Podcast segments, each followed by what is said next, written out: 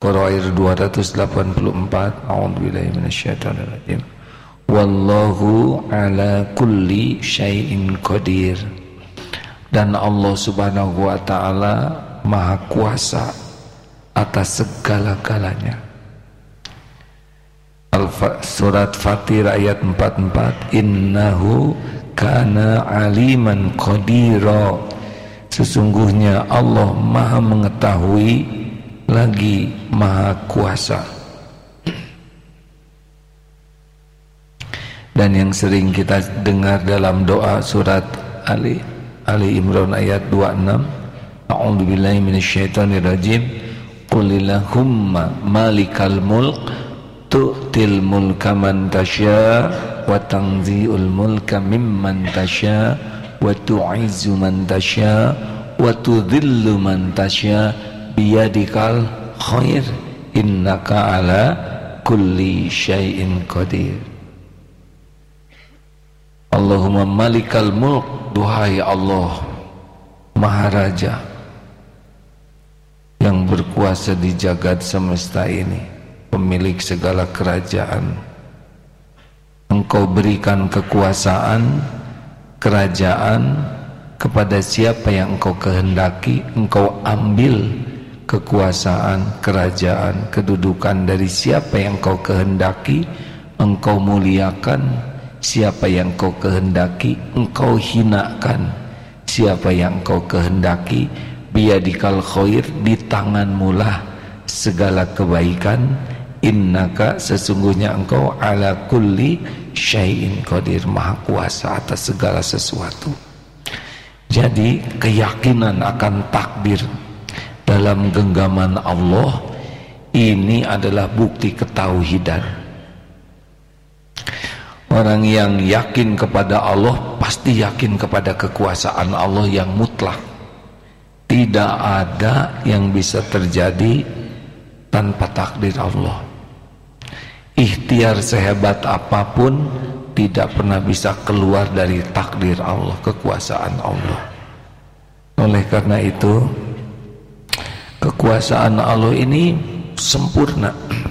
Allah subhanahu wa ta'ala yas'aluhu man fis samawati wal ard kulla yaumin huwa fis sya'n surat ar-rahman ayat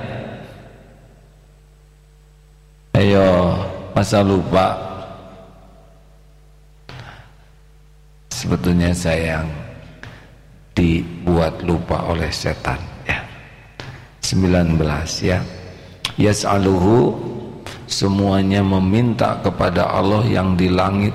Yas'alu man fis samawati wal ard setiap saat Allah dalam kesibukan. Allah yang menciptakan, Allah yang membentuk rupa, Allah yang menakdirkan, diadakan dengan takdirnya dimatikan, takdirnya disem dibuat sakit, takdirnya disehatkan, rezeki dengan ketentuan Allah dibagikan kepada si fulan ini. Rezekinya tidak ada satupun rezeki yang sampai kecuali Allah yang menetapkan. Allah berikan jodohnya yang ini dinikahkan dengan yang ini yang itu diangkat derajatnya yang ini diturunkan yang itu dibuat gembira. Ini sedih. Tidak ada satupun yang terjadi di jagat ini kecuali dengan kekuasaannya kalau sudah yakin Allah yang menguasai semuanya hati pasti lebih tenang. Saya bacakan ini pendapat dari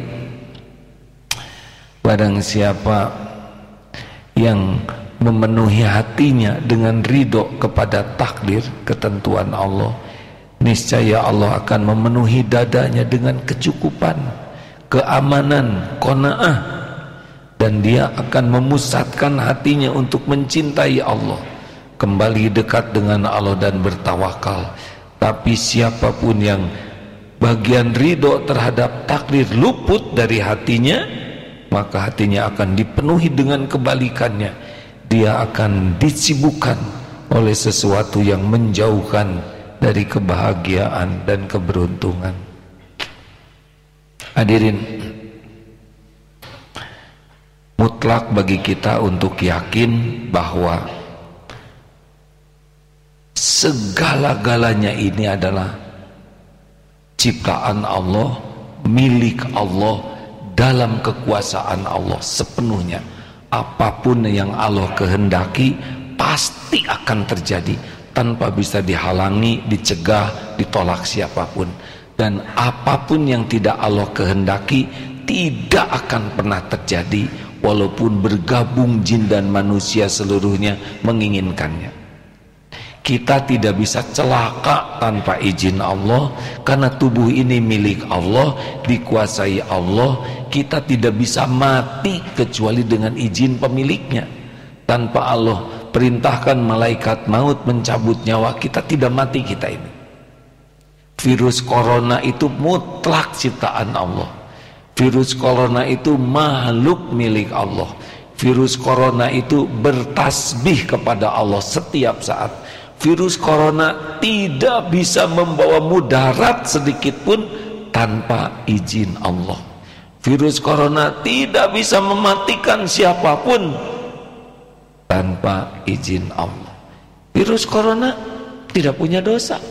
Dia cuma makhluk saja yang tidak punya pilihan kalau kita dijadikan takdir kita memang virus dulu gitu sebelum kita jadi ya kita virus. Allah takdirkan kita jadi orang. Masalahnya kita ini ada pilihan. Fa'alhamaha fujuraha wa taqwaha. Seperti sekarang saya milih minum atau jangan. Saya milih minum. Bismillah atau tidak saya pilih Bismillah nah saudara boleh miri mau iri atau bersyukur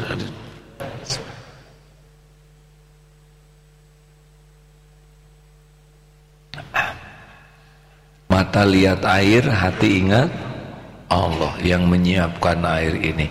Ini maaf ya air madu hadirin. Mata melihat air ingat Allah. Lidah merasakan manisnya madu, hati ingat siapa? Ingat Allah yang menggerakkan lebah kerja keras ngumpulin madu untuk saya.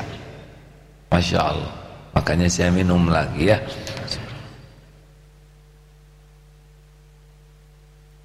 masuknya air ke sini saya tidak tahu ke mana dia larinya kenapa nggak ngumpul di paru-paru itu pun yang ngurus adalah Allah jarang kita ingat seperti itu kita minum-minum saja padahal untuk datangnya air ke sini uh rumit sekali Allah mendatangkan air Allah siapkan hujan disimpan di tanah diatur oleh Allah sedemikian rupa ada yang menyedotnya Entah bagaimana caranya oleh Allah diatur pH-nya 7, bakteri-bakteri bahayanya dihilangkan dulu. Nih untuk untuk minum saya ini dibotolin, dibeli ke sana, diazan diangetin sedikit, campur madu, madunya juga lebah. Aduh, pulang pergi itu. Ngumpulin madu buat saya tuh bunga sedot, kumpulin kan dibawa oleh petani lebah, disengat dulu dikit, bawa ke sini sana bawa gitu cek cek cek. Tukang gelasnya juga nyariin bubuk gelasnya ya, tiup jadi gelas begini dijual jadi ke sini. Masya Allah harus saya minum lagi ada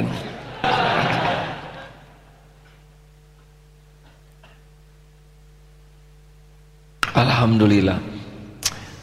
Ah, Masya Allah. Nikmatnya minum itu pada zikirnya jauh lebih nikmat. Tapi kalau kurang zikir ini kurang nih madunya. Gitu. Tapi kan nggak saya omongin ya. Saya syukurin Alhamdulillah Saudara pengen tahu sesuatu yang paling nikmat dalam hidup yang tidak bisa ditandingi nikmat apa pun di dunia ini kan makanan enak, duren enak, tidur nyenyak enak banyak yang enak-enak di dunia tapi ada kenikmatan yang tidak bisa ditandingi nikmat apa pun di dunia.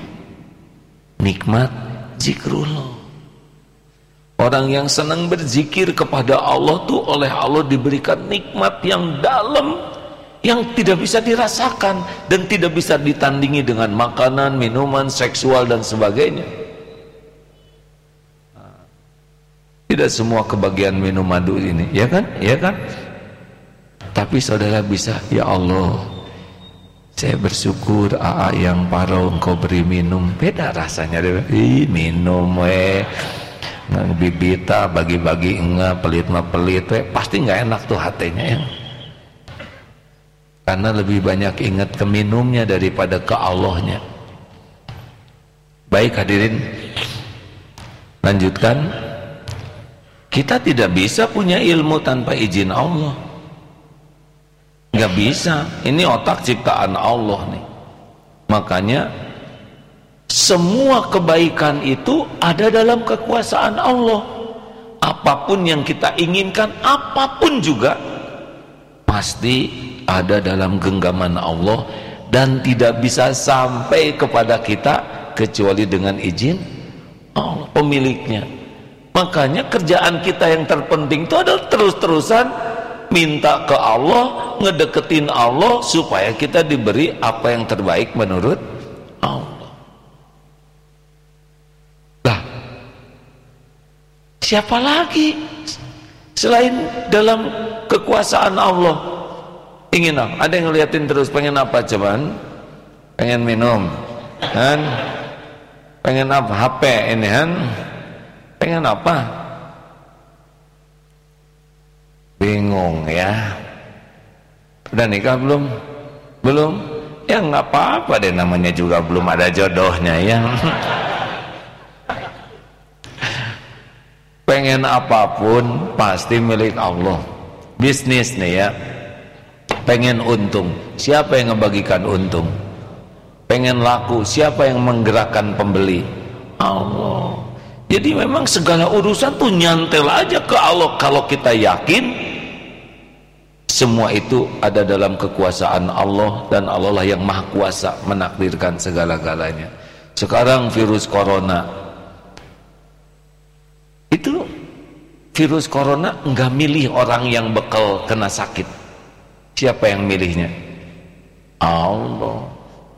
Itu berapa ratus juta sekitar itu kena sini. Tanpa izin Allah tidak sakit. Dengan izin Allah pasti sakit. Kalau Allah takdirkan sembuh pasti sembuh. Kalau Allah tidak takdir sembuh tidak akan sembuh itu begitu keyakinan. Kalau begitu kenapa harus ikhtiar dan ibadah? Loh bagi kita ikhtiar itu ibadah. Dalilnya ini ikhtiar ya. Ini e, riwayatnya sahih muslim. Rasulullah SAW bersabda ihris ala ma yanfa'uk wasta'in billah wala ta'zaz. Antusiaslah bersemangatlah dengan untuk menda untuk mendapatkan apa yang manfaat. Jadi kalau kita tahu itu manfaat antusias semangat kepada sesuatu yang bermanfaat bagimu. Wasta'in billah. Mintalah tolong kepada Allah untuk mendapatkannya. Jadi kalau aduh itu bagus tuh buat saya. Saya pengen menghafal Quran. Semangat. Dan sudah itu wasta'in billah minta tolong ke Allah karena tidak bisa kita mendapatkan yang kita inginkan kecuali dengan kodar Allah takdir Allah. Jelas kan? Gak boleh ke mana-mana tapi kita antusias semangat. Perintah Allah tuh ihris ala ma yanfa'uk wasta'in billah wala ta'zaz. Dan janganlah bersikap lemah. Jadi kita tuh harus semangat. Ini sebetulnya terusan dari hadis uh, tentang uh, al-mu'minul qawi khairun wa ahabu ilallah minal mu'mini dhaif. Mukmin yang kuat lebih baik dan lebih disukai Allah daripada mukmin yang lemah dalam walau dalam keduanya ada kebaikan. Mukmin yang kuat itu kuat apa? Kuat imannya. Orang yang beriman dan kuat imannya lebih baik dan lebih disukai Allah tapi kekuatan-kekuatan lain juga kalau pakai iman jadi nambah kemampuannya. Udah kuat iman kuat finansial. Nah finansialnya pasti nambah kebaikan. Makanya sebaik-baik harta itu dipegang oleh ulama. Maksudnya orang yang takut kepada Allah. Karena uang itu ngambilnya benar distribusinya benar. Kalau sudah kuat iman kuat fisik wih ini dia Ali bin Abi Talib kuat iman kuat fisik Abu Bakar kuat iman, kuat fisik, kuat finansial. Eh, Utsman bin Affan ya udah kuat iman, kuat finansial, kuat fisik, kuat pikirannya, ilmunya. Oh, itu juga makin bertambah-tambah. Tapi itu ah badannya nggak kuat, ah, tapi imannya kuat, doanya bisa kuat. Makanya harus antusias untuk kebaikan karena menjadi mukmin yang kuat itu merupakan satu yang dicintai Allah. Tapi ada terusannya nih. Wa in asobaka syai'un dan jika dan apabila engkau ditimpa sesuatu fala taqul lau anni fa'altu kana kadza wa kadza janganlah engkau berkata kalau saja aku berbuat demikian tentu aku menjadi demikian dan demikian jadi loh kalau saya nggak gini pasti nggak gini gini. Kalau saya tadi nggak ke sana ini sepeda nggak hilang. Kalau saja saya nggak nikah dengan dia saya nikah dengan si itu. Ini ngaco. Ya udah jelas nikah sama dia tidak boleh. Lau itu ya seandainya itu tidak boleh. Fa'in um, tadi walakin kul qadarullahi wa ma syaa fa'al. Tapi katakanlah takdir Allah dan apa yang dia kehendaki maka akan dia lakukan. Jadi kalau udah terjadi udah takdir itu. Kalau nasi jadi bubur terima. Sambil cari cakwe ayam kacang polong kerupuk kecap seledri bawang goreng gepuk eh, soto mar sate marangi dan sebagainya. Sebab kalau kita mengatakan fa innallahu taftahu taftahu amal syaitan. Karena kalau kita mengatakan tuh seandainya itu membuka amalan setan terima. Ban meletus sudah aduh coba kalau nggak lewat jalan sini nggak bisa pasti meletus. Makanya lewat jalan itu juga. Sakit gigi terima pergi ke dokter ada tulisan maaf dokter tidak praktek.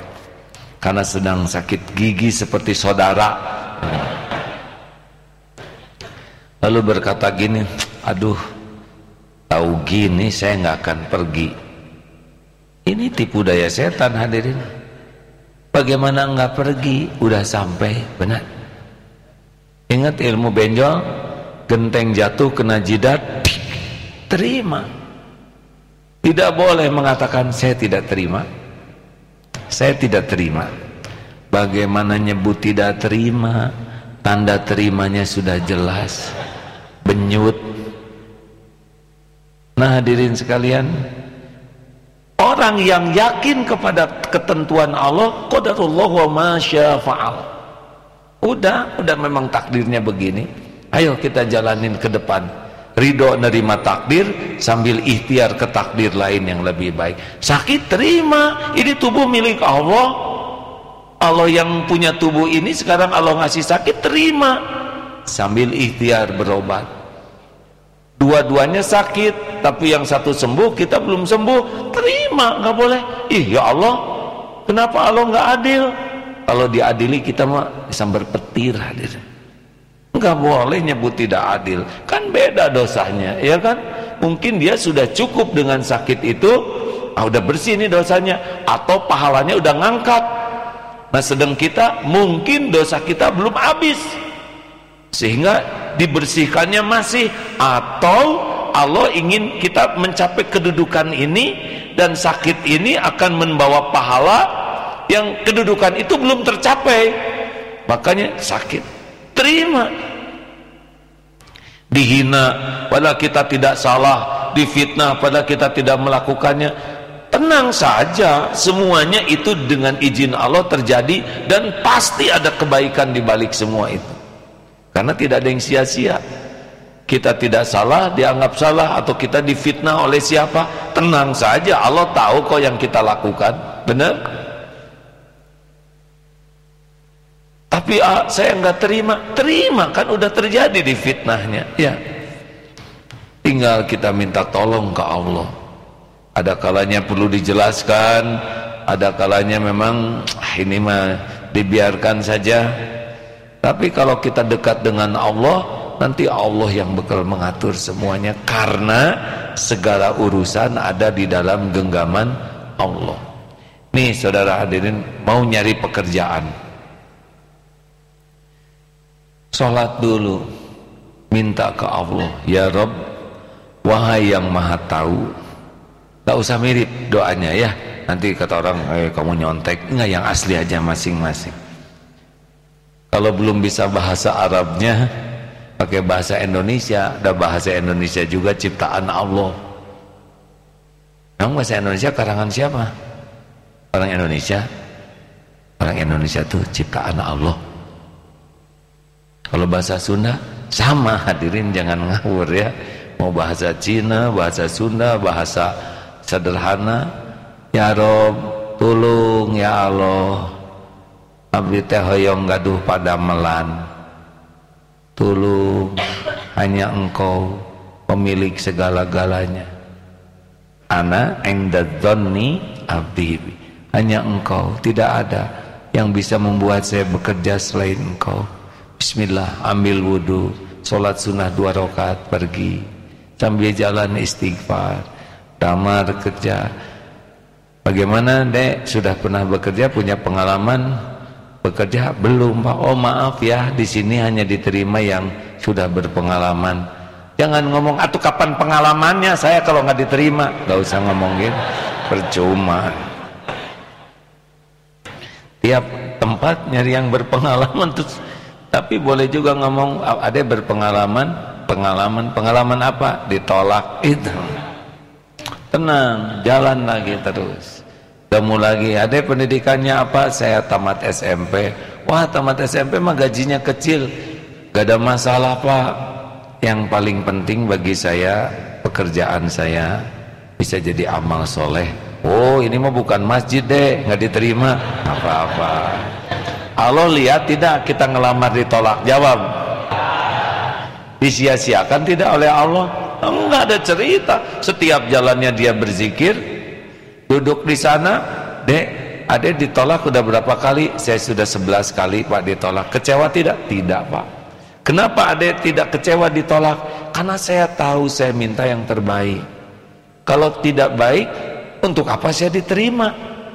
Tapi adek sudah keluar uang banyak buat fotokopi buat salin. Oh nggak apa-apa pak. Itu bagi-bagi rezeki dengan saudara saya yang di fotokopi.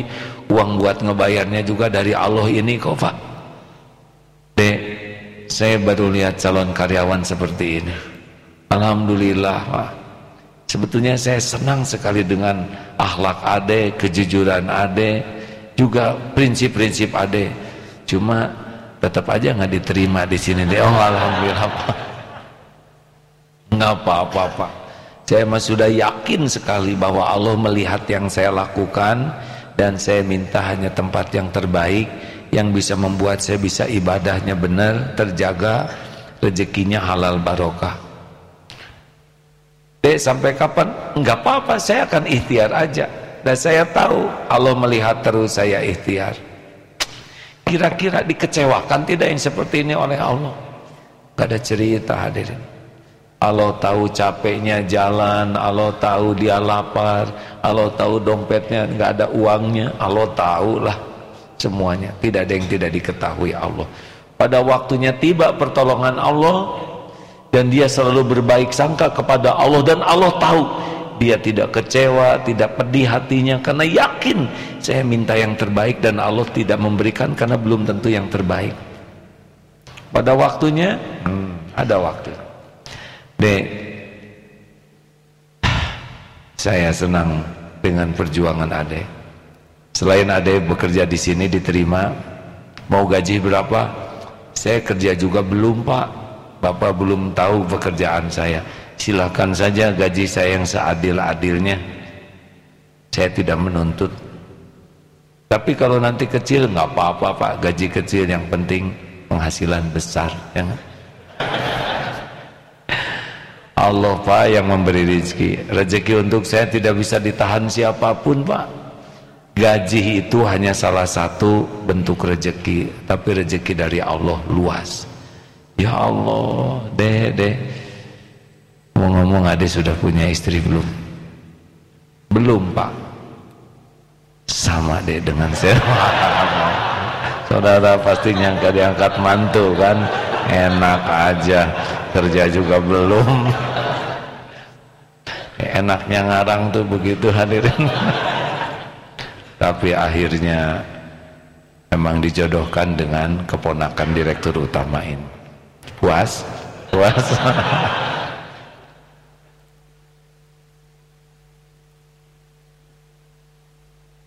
Selalu husnuzon.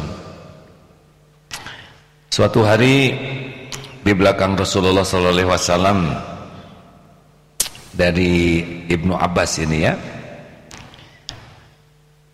dan diriwayatkan oleh Imam Tirmizi dalam kitab Jami'nya. Hadis ini hasan sahih. Lalu Rasulullah berkata kepada "Hai gulam, oh hai gulam, hai anak muda, ya gulam, aku akan beritahukan kepadamu, ajarkan kepadamu beberapa kalimat. Ihfazillah, ihfazka. Ihfazillah tajidhu tujahaka. Jagalah Allah. Niscaya Allah akan menjagamu. Jagalah Allah. Niscaya engkau akan mendapatinya di hadapanmu. Idza sa'alta fas'alillah jikalau engkau meminta maka mintalah hanya kepada Allah. Wa idza dan jikalau engkau meminta tolong wasta'in billah mintalah tolong hanya kepada Allah semata. Ketahuilah apabila umat ini berkumpul untuk memberikan sesuatu manfaat kepadamu maka tidak bisa melakukannya sedikit pun kecuali dengan apa yang Allah tetapkan untukmu dan sekiranya mereka berkumpul untuk menimpakan mudarat kepadamu maka mereka tidak dapat melakukannya sedikit pun kecuali dengan apa yang telah Allah tetapkan gariskan untukmu. Pena-pena telah diangkat dan catatan takdir telah kering. Begitu hadirin. Fokus saja meluruskan niat menyempurnakan ikhtiar pasrahkan ke Allah dengan tawakal. Mau diapain saja kita ini oleh Allah kalau kita punya iman semuanya baik. Fakana khairullah. Ajaban li amril mu'min inna amrahu kullahu khair. Sungguh menakjubkan urusan orang yang beriman semuanya baik. Walaisa dzalik li ahadin illa lil mu'min dan tidak ada yang demikian itu kecuali orang mukmin. Idza asabathu sarra'u syakara ditimpa diberikan karunia dia bersyukur.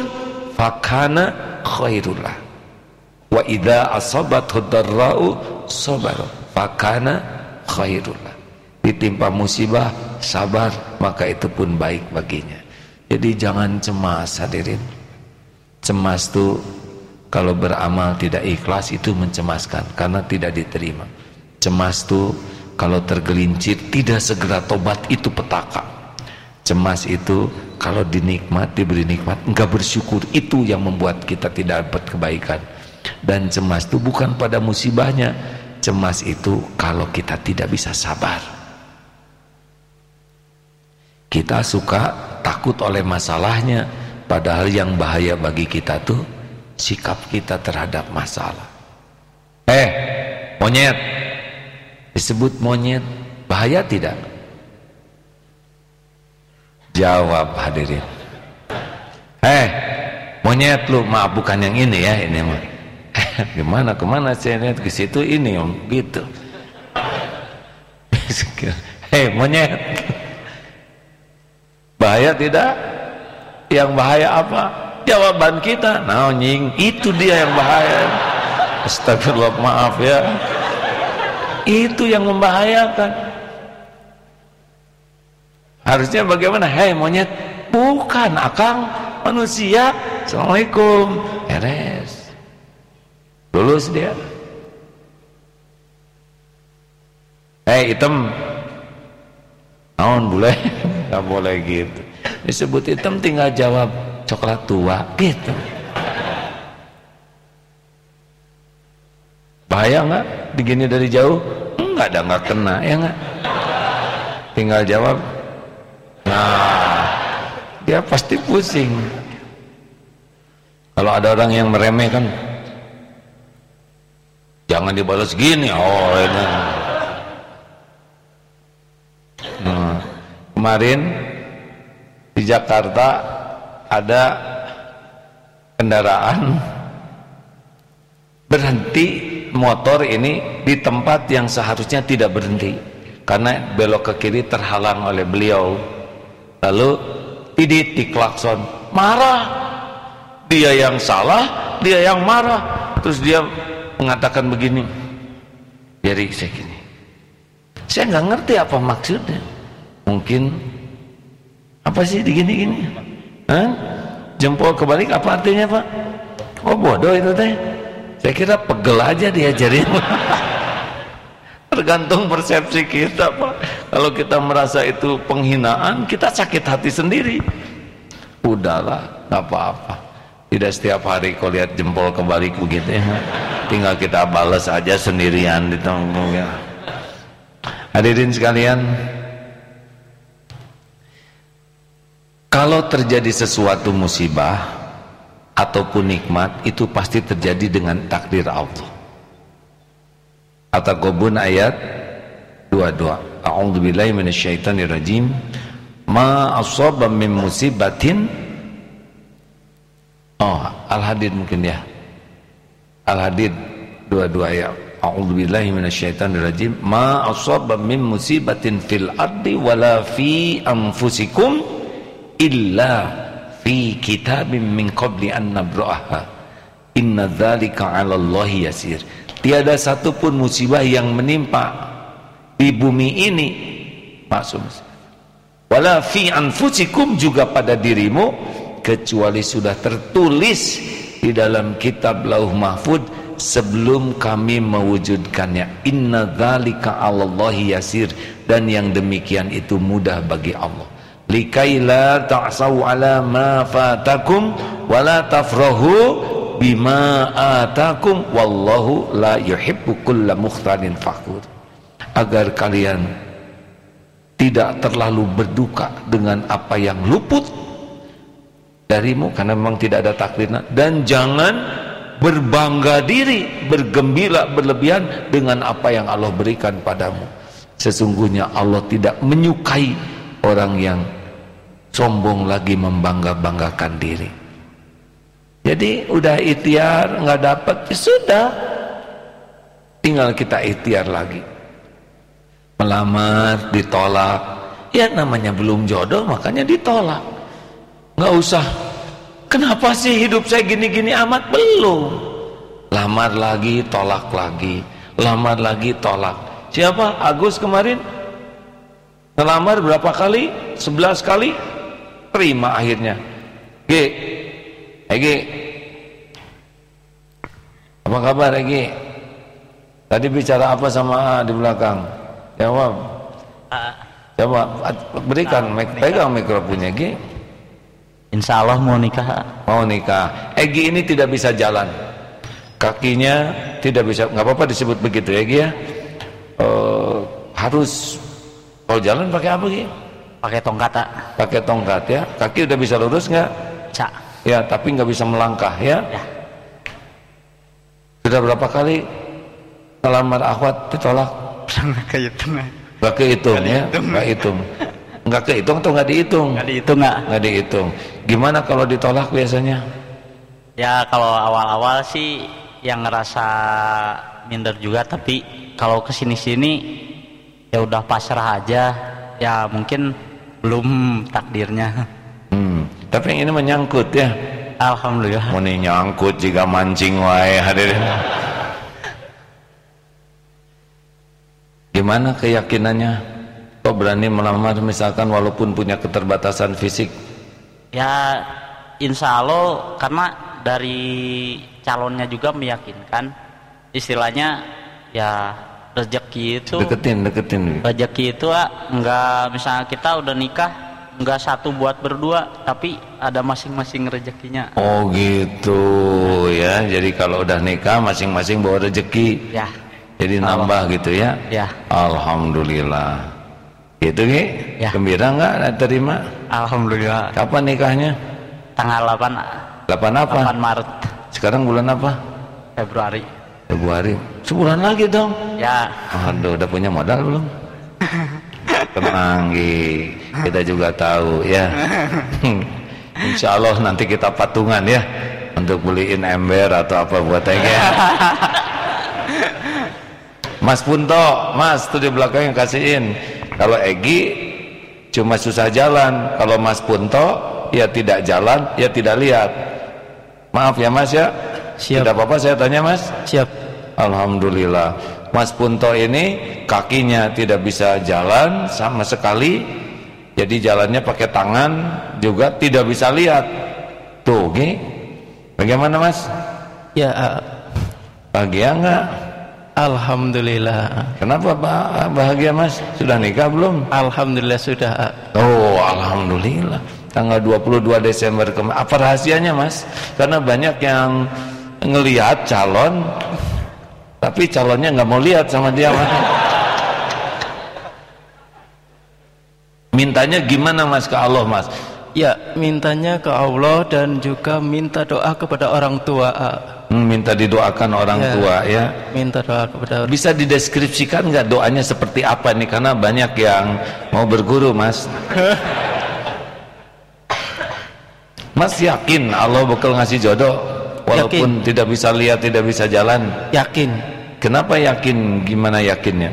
Karena Allah menciptakan sesu- semuanya makhluk itu berpasang-pasangan. oh bener tapi ini ada yang belum aja nih kan? Gimana tuh Mas kalau yang belum? Ya, karena belum waktunya. Oh. Kalau sudah waktunya insya Allah.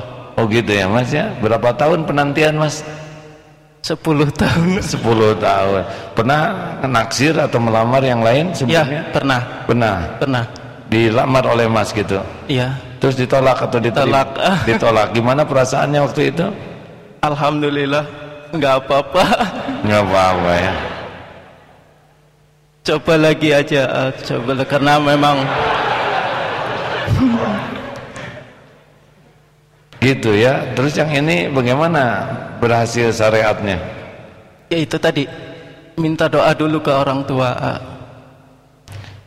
lalu kata orang tua gimana Ya didoakan kalau memang yang terbaik insya Allah akan menjadi jodohmu gitu. ah.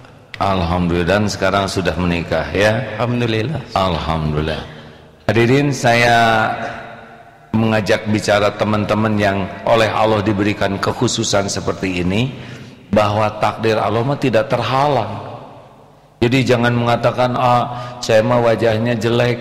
Kalau yang nikah cakap-cakap semua, gimana kita-kita ini ya kan? Halo. Kening kita juga kebagian ya.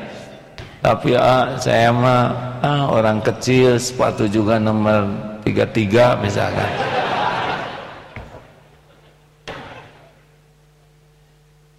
Buktinya Mas Punto dengan pertolongan Allah walaupun tidak bisa jalan, tidak bisa lihat, Allah tinggal balikan hati siapa yang Allah kehendaki jadi jodohnya dan terjadi. Betul?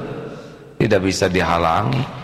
Mungkin dalam pandangan sebagian orang, ah kenapa punya suami gitu? Tapi dalam pandangan calon istrinya atau inilah ladang amal bagi saya. Yang nanam cinta juga Allah kok. Yang ngejodohin Allah. Oleh karena itu jangan membatasi karunia Allah hanya karena keterbatasan kita. Setuju? Allah Maha Kuasa atas segalanya. Masya Allah. Nah hadirin sekalian, yakin kepada takdir itu akan berbuah luar biasa. Kita tidak akan iri dengki. Jualan sama jualannya. Ke kita nawar. Belinya di yang sebelah. Segede gini. Itu si mbak. Dia nyobain dukuh saya. Belinya di sebelah. Jengkel jangan yang sebelah itu adalah hamba Allah juga. Ini hamba Allah kita hamba Allah. Semua yang jualan hamba Allah. Sesuka Allah tuh ngasih rezeki ke hambanya. Kenapa ini kok dikasih? Mungkin keperluannya banyak. Mungkin buat cicilan kontrakannya. Mungkin buat nyekolahin anaknya. Kita mah happy-happy aja. Allah ngebagikan rezeki kepada siapa suka-suka Allah benar lima ikhwan melamar satu akhwat pasrah dan nggak mungkin lima-limanya diterima ya? Kalau toh ternyata nikah dengan teman, ya sudah kita harus terima. Nah, emang jodoh dia. Jengkel juga tidak membuat nikah jadi kita dengan kita, benar? Dengan yakin Allah yang mengatur, oh enggak ada.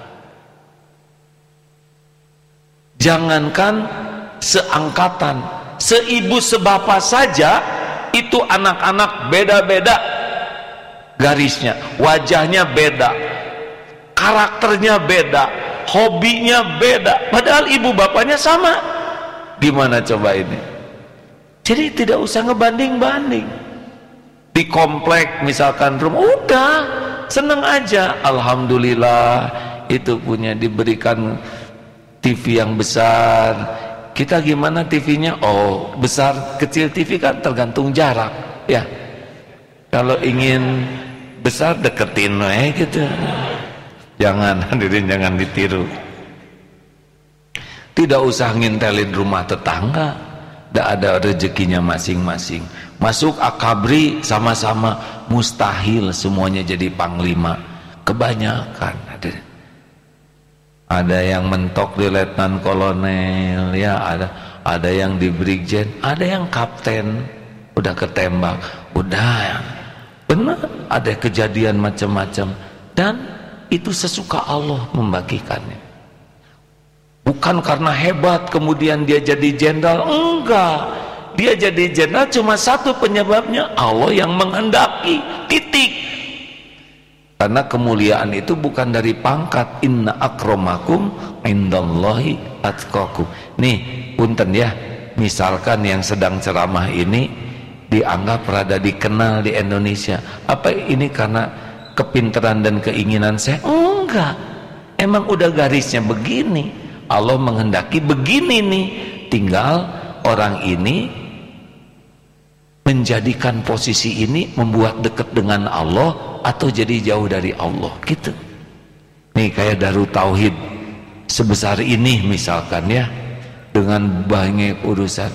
Apa karena kepintaran kami? Enggak. Nih Pak Gatot. Pak Gatot ini udah kenal belum? Ini uh, nah kodanya di sini. Pak Gatot saya kenalin nah nggak apa-apa mas. Di sini nanti ada yang apa utang belum lunas bisa nagih Pak Gatot saya mau tanya sebentar Pak Gatot nih berdiri mas bentar Pak Gatot ini ketua yayasan Darut Tauhid Alhamdulillah mas Masya Allah Alhamdulillah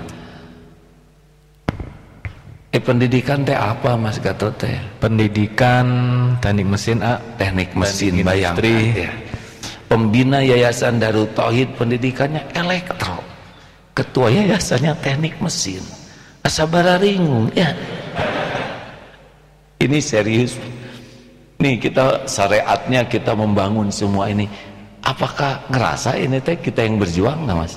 Enggak sama sekali ya dan kita juga bingung kenapa ini bisa terjadi. Alhamdulillah pertolongan Allah dimudahkan Allah. Kekebayang hadirin. Ratusan miliar tiap tahun harus siap ada. 1300 karyawan ya kita ya. harus digaji. 22 sampai 23 ribu pelatihan yang lulus dari sini. Pusing mikir, saya juga ada aneh. Nah jadi gede begini. Pas rapat juga kita juga aneh ya. Aneh, Ih, aneh jadi begini. Bayangkan ini ting tengnya nih. Kita ini yang mikir-mikir syariatnya. Melampaui apa yang terbayang melampaui apa yang bisa dilakukan. Jadi artinya apa mas dari semua ini artinya yang pertama bahwa kita harus mengandalkan Allah dalam segala sesuatu. Yang kedua kita menyempurnakan ikhtiar. Karena seperti halnya kita terbang seperti halnya burung terbang sayap kanan sayap kirinya harus imbang harus sama-sama. Kekuatan yakin kepada Allah dan kekuatan ikhtiar menyempurnakan ikhtiar. Semoga jadi amal soleh. Tuh begitu katanya ya jadi sekarang yakin tapi ngedul nggak cocok dengan ihris ala mayanfau tapi semangat tapi nggak yakin ke Allah semangat stres ya. Begitulah mas. Alhamdulillah. Terima kasih. Udah berapa periode ini saya dua periode ini ya dua sebagai periode. ketua yayasan. Berarti udah hampir pensiun ya? Ya pensiun sebentar gimana lagi. dong pensiun nanti penghasilan gimana? Insya Allah penghasilan tidak hanya dari yayasan tapi semoga Allah sudah menyediakan sumber rezeki dari yang lainnya. Insya Allah. selama ini juga gajinya kecil ya? Iya. tapi Allah berikan dari berbagai. Alhamdulillah berkah. Kalau gaji saya di yayasan berapa mas? Tiga juta setengah ya kan? Ya betul. Tapi hidup betul tidak? Sebab dari yang lain-lainnya.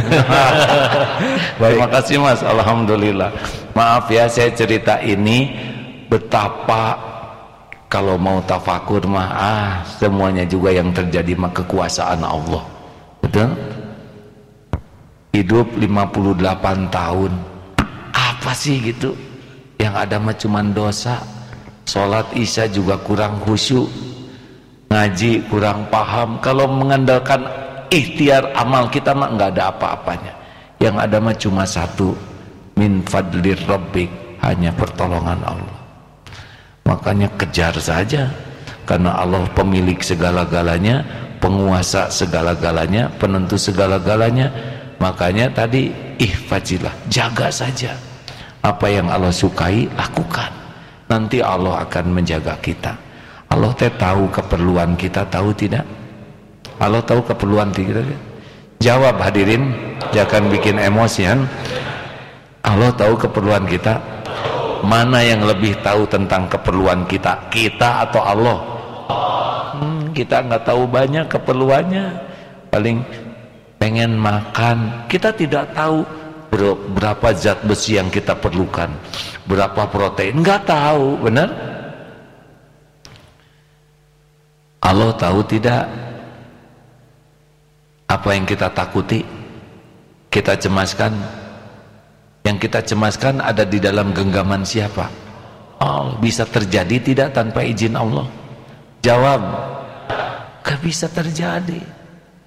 Makanya kalau kita benar-benar tawakalnya bulat kepada Allah hmm, gak mungkin kita disia-siakan. Amalan yang tertinggi dari amalan hati itu ikhlas dan tawakal yang menunjukkan keyakinan kokoh dan setan pun sulit menipu orang yang ikhlas dan yang tawakal.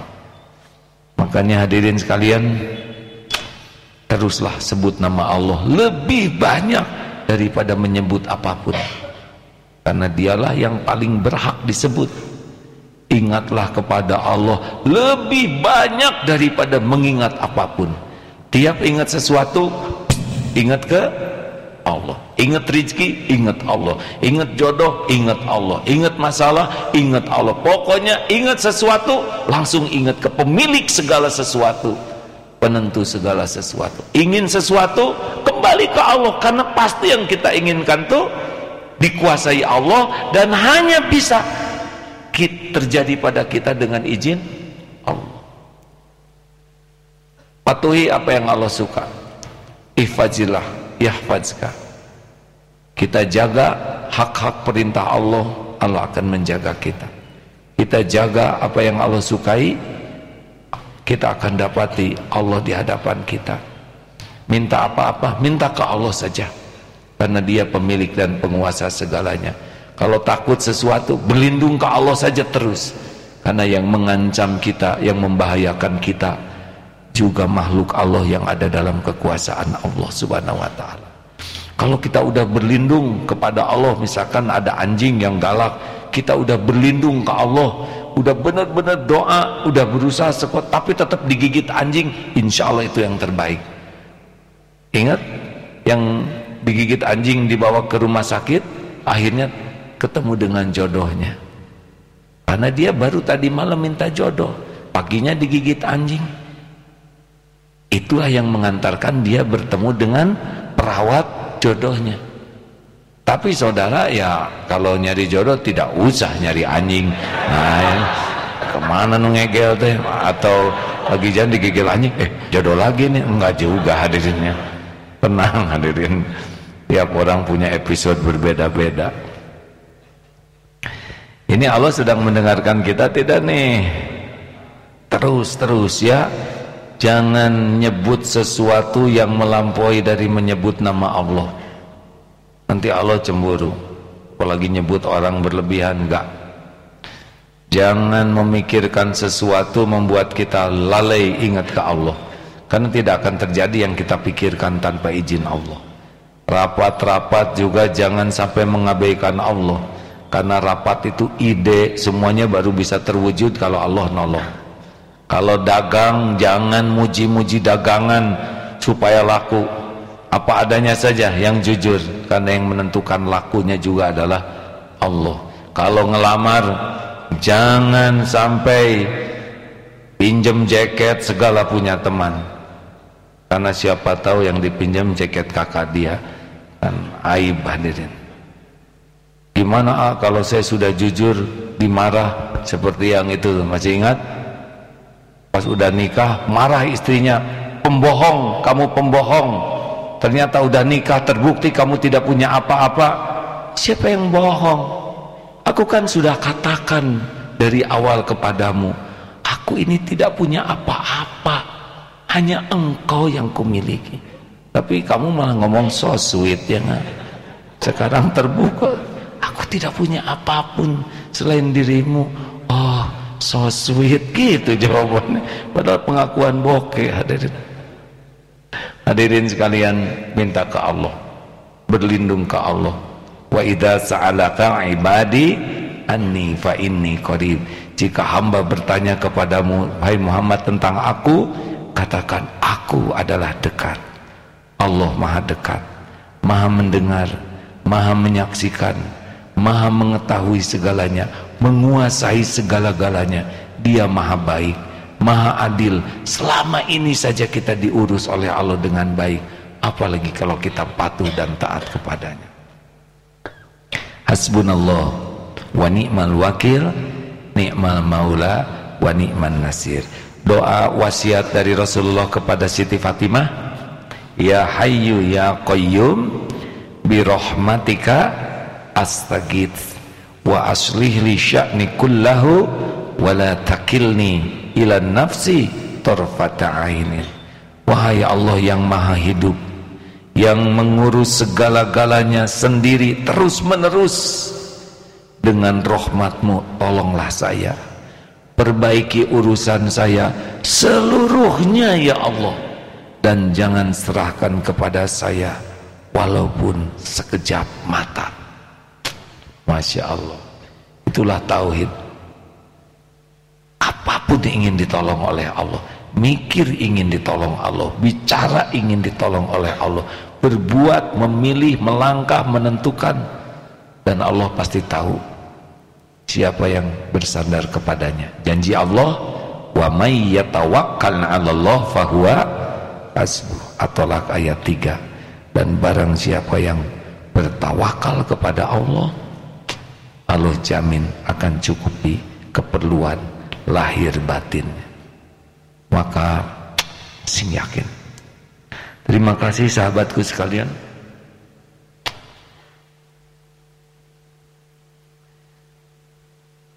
Alhamdulillah. Rumah Allah ini enak tidak? Jawab atau hadirin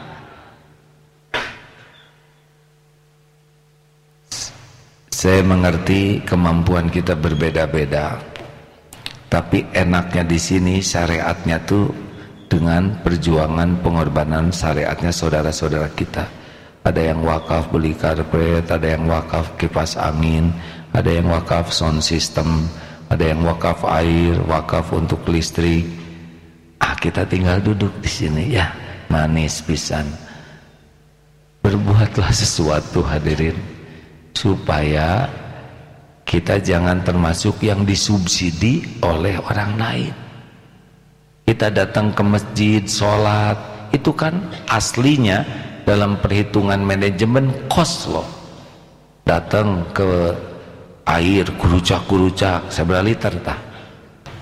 Masuk ke toilet makan di mana aja setor di sini. Beban bagi septic tank kami ya turun ninjakan karpet rusak tak karpet ya. Sampai di sini kentut lagi di karpet. Itu menghilangkan parfum yang sudah kita sebarkan ada. Maaf ya tidak didam, tidak didramatisir. Itu semua ada kosnya listrik air segala. Nah aing ngencreng teh 100 dan seribu kenceling defisit hadirin saudara jangan ya jangan disubsidi orang. Kalau bisa kita ke, ke masjid kalau enggak bisa nyubsidi orang lain minimal kita ngebiayain diri kita sendiri. Tentu saja tidak usah diukur ya saleteren ya. Harus ada begitu. Kita dimudahkan ketemu masjid. Asli hadirin kalau kita sholat di sebuah masjid ya Allah engkau sudah dekatkan saya dengan masjid. Engkau sudah siapkan air wudhu. Engkau sudah gelarkan sajadah. Engkau sudah mudahkan. Syukur atau keluar uang tuh. Nggak akan berkurang harta dengan sedekah. Kalau saudara berkurang harta dengan sedekah dengar ini ya. Catat berapa sedekah saudara? Sini. Sini. Siniin catatannya. Saya mau baca catatannya ya. Ya udah baca aja. Dan mau? Masa saya ganti tidak akan berkurang. Percayalah hadirin. Alhamdulillah kita akan menyempurnakan masjid ini dan kita akan kumpul